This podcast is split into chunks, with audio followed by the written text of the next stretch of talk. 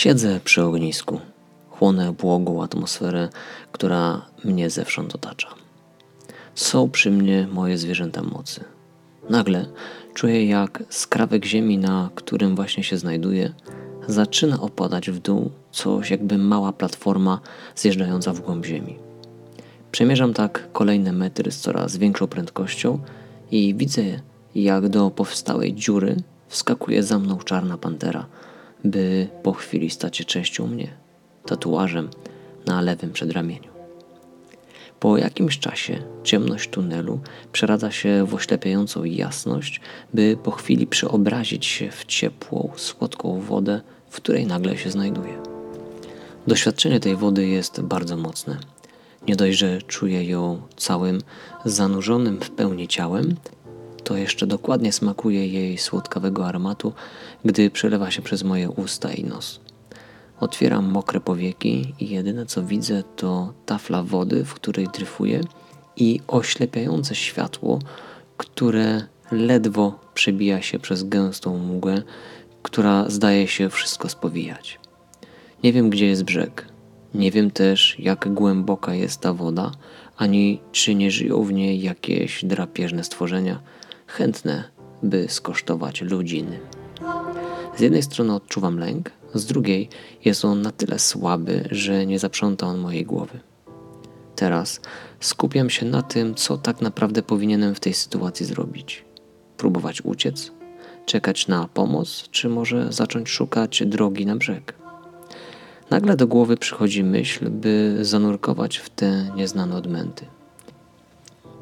Dziwię się, jednak biorę tę myśl jako czystą inspirację i postanawiam podążyć za nią.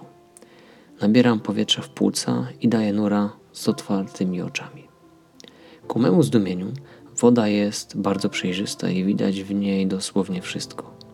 Obraz, który mi się ukazuje, sprawia, że dosłownie miękną nogi. To, co widzę, przywodzi wspomnienie opisów potęgi rowu mariańskiego, gdzie delikatnie błękitna i jasna masa wody stopniowo, im głębiej w dół, przemienia się w coraz to bardziej atramentową, nieprzeniknioną przestrzeń. I w tym wszystkim ja, drobina kurzu dryfująca w bezmiarze oceanicznego kosmosu. I choć to tylko koryto rzeki przypływającej przez światy podziemia, to swą potęgą w niczym nie ustępuje tej oceanicznej. Dzięki tej podwodnej perspektywie dostrzegam swe położenie względem obu brzegów. Będąc niemal dokładnie po środku, czekam na sygnał płynący z ciała, który podpowie mi, w którym kierunku powinienem popłynąć. Żywe wahadło w toń nieznaną wrzucone, gdy umysł spokojny prędko wskaże stronę. Zestrojone z sercem, ciało w ruch wprawi, boskiej inspiracji kompasem się stanie. Choć rozum sugeruje, by płynąć w prawą stronę, ja zawierzam temu, co ciało podpowiada i obieram kurs na lewy brzeg.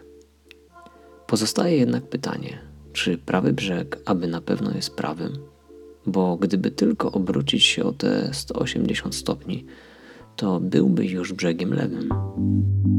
Jak wiele wyborów zależy od perspektywy. Im ciaśniejsza wizja, tym wybór będzie bardziej ograniczony i spodziewane efekty bardziej zero-jedynkowe.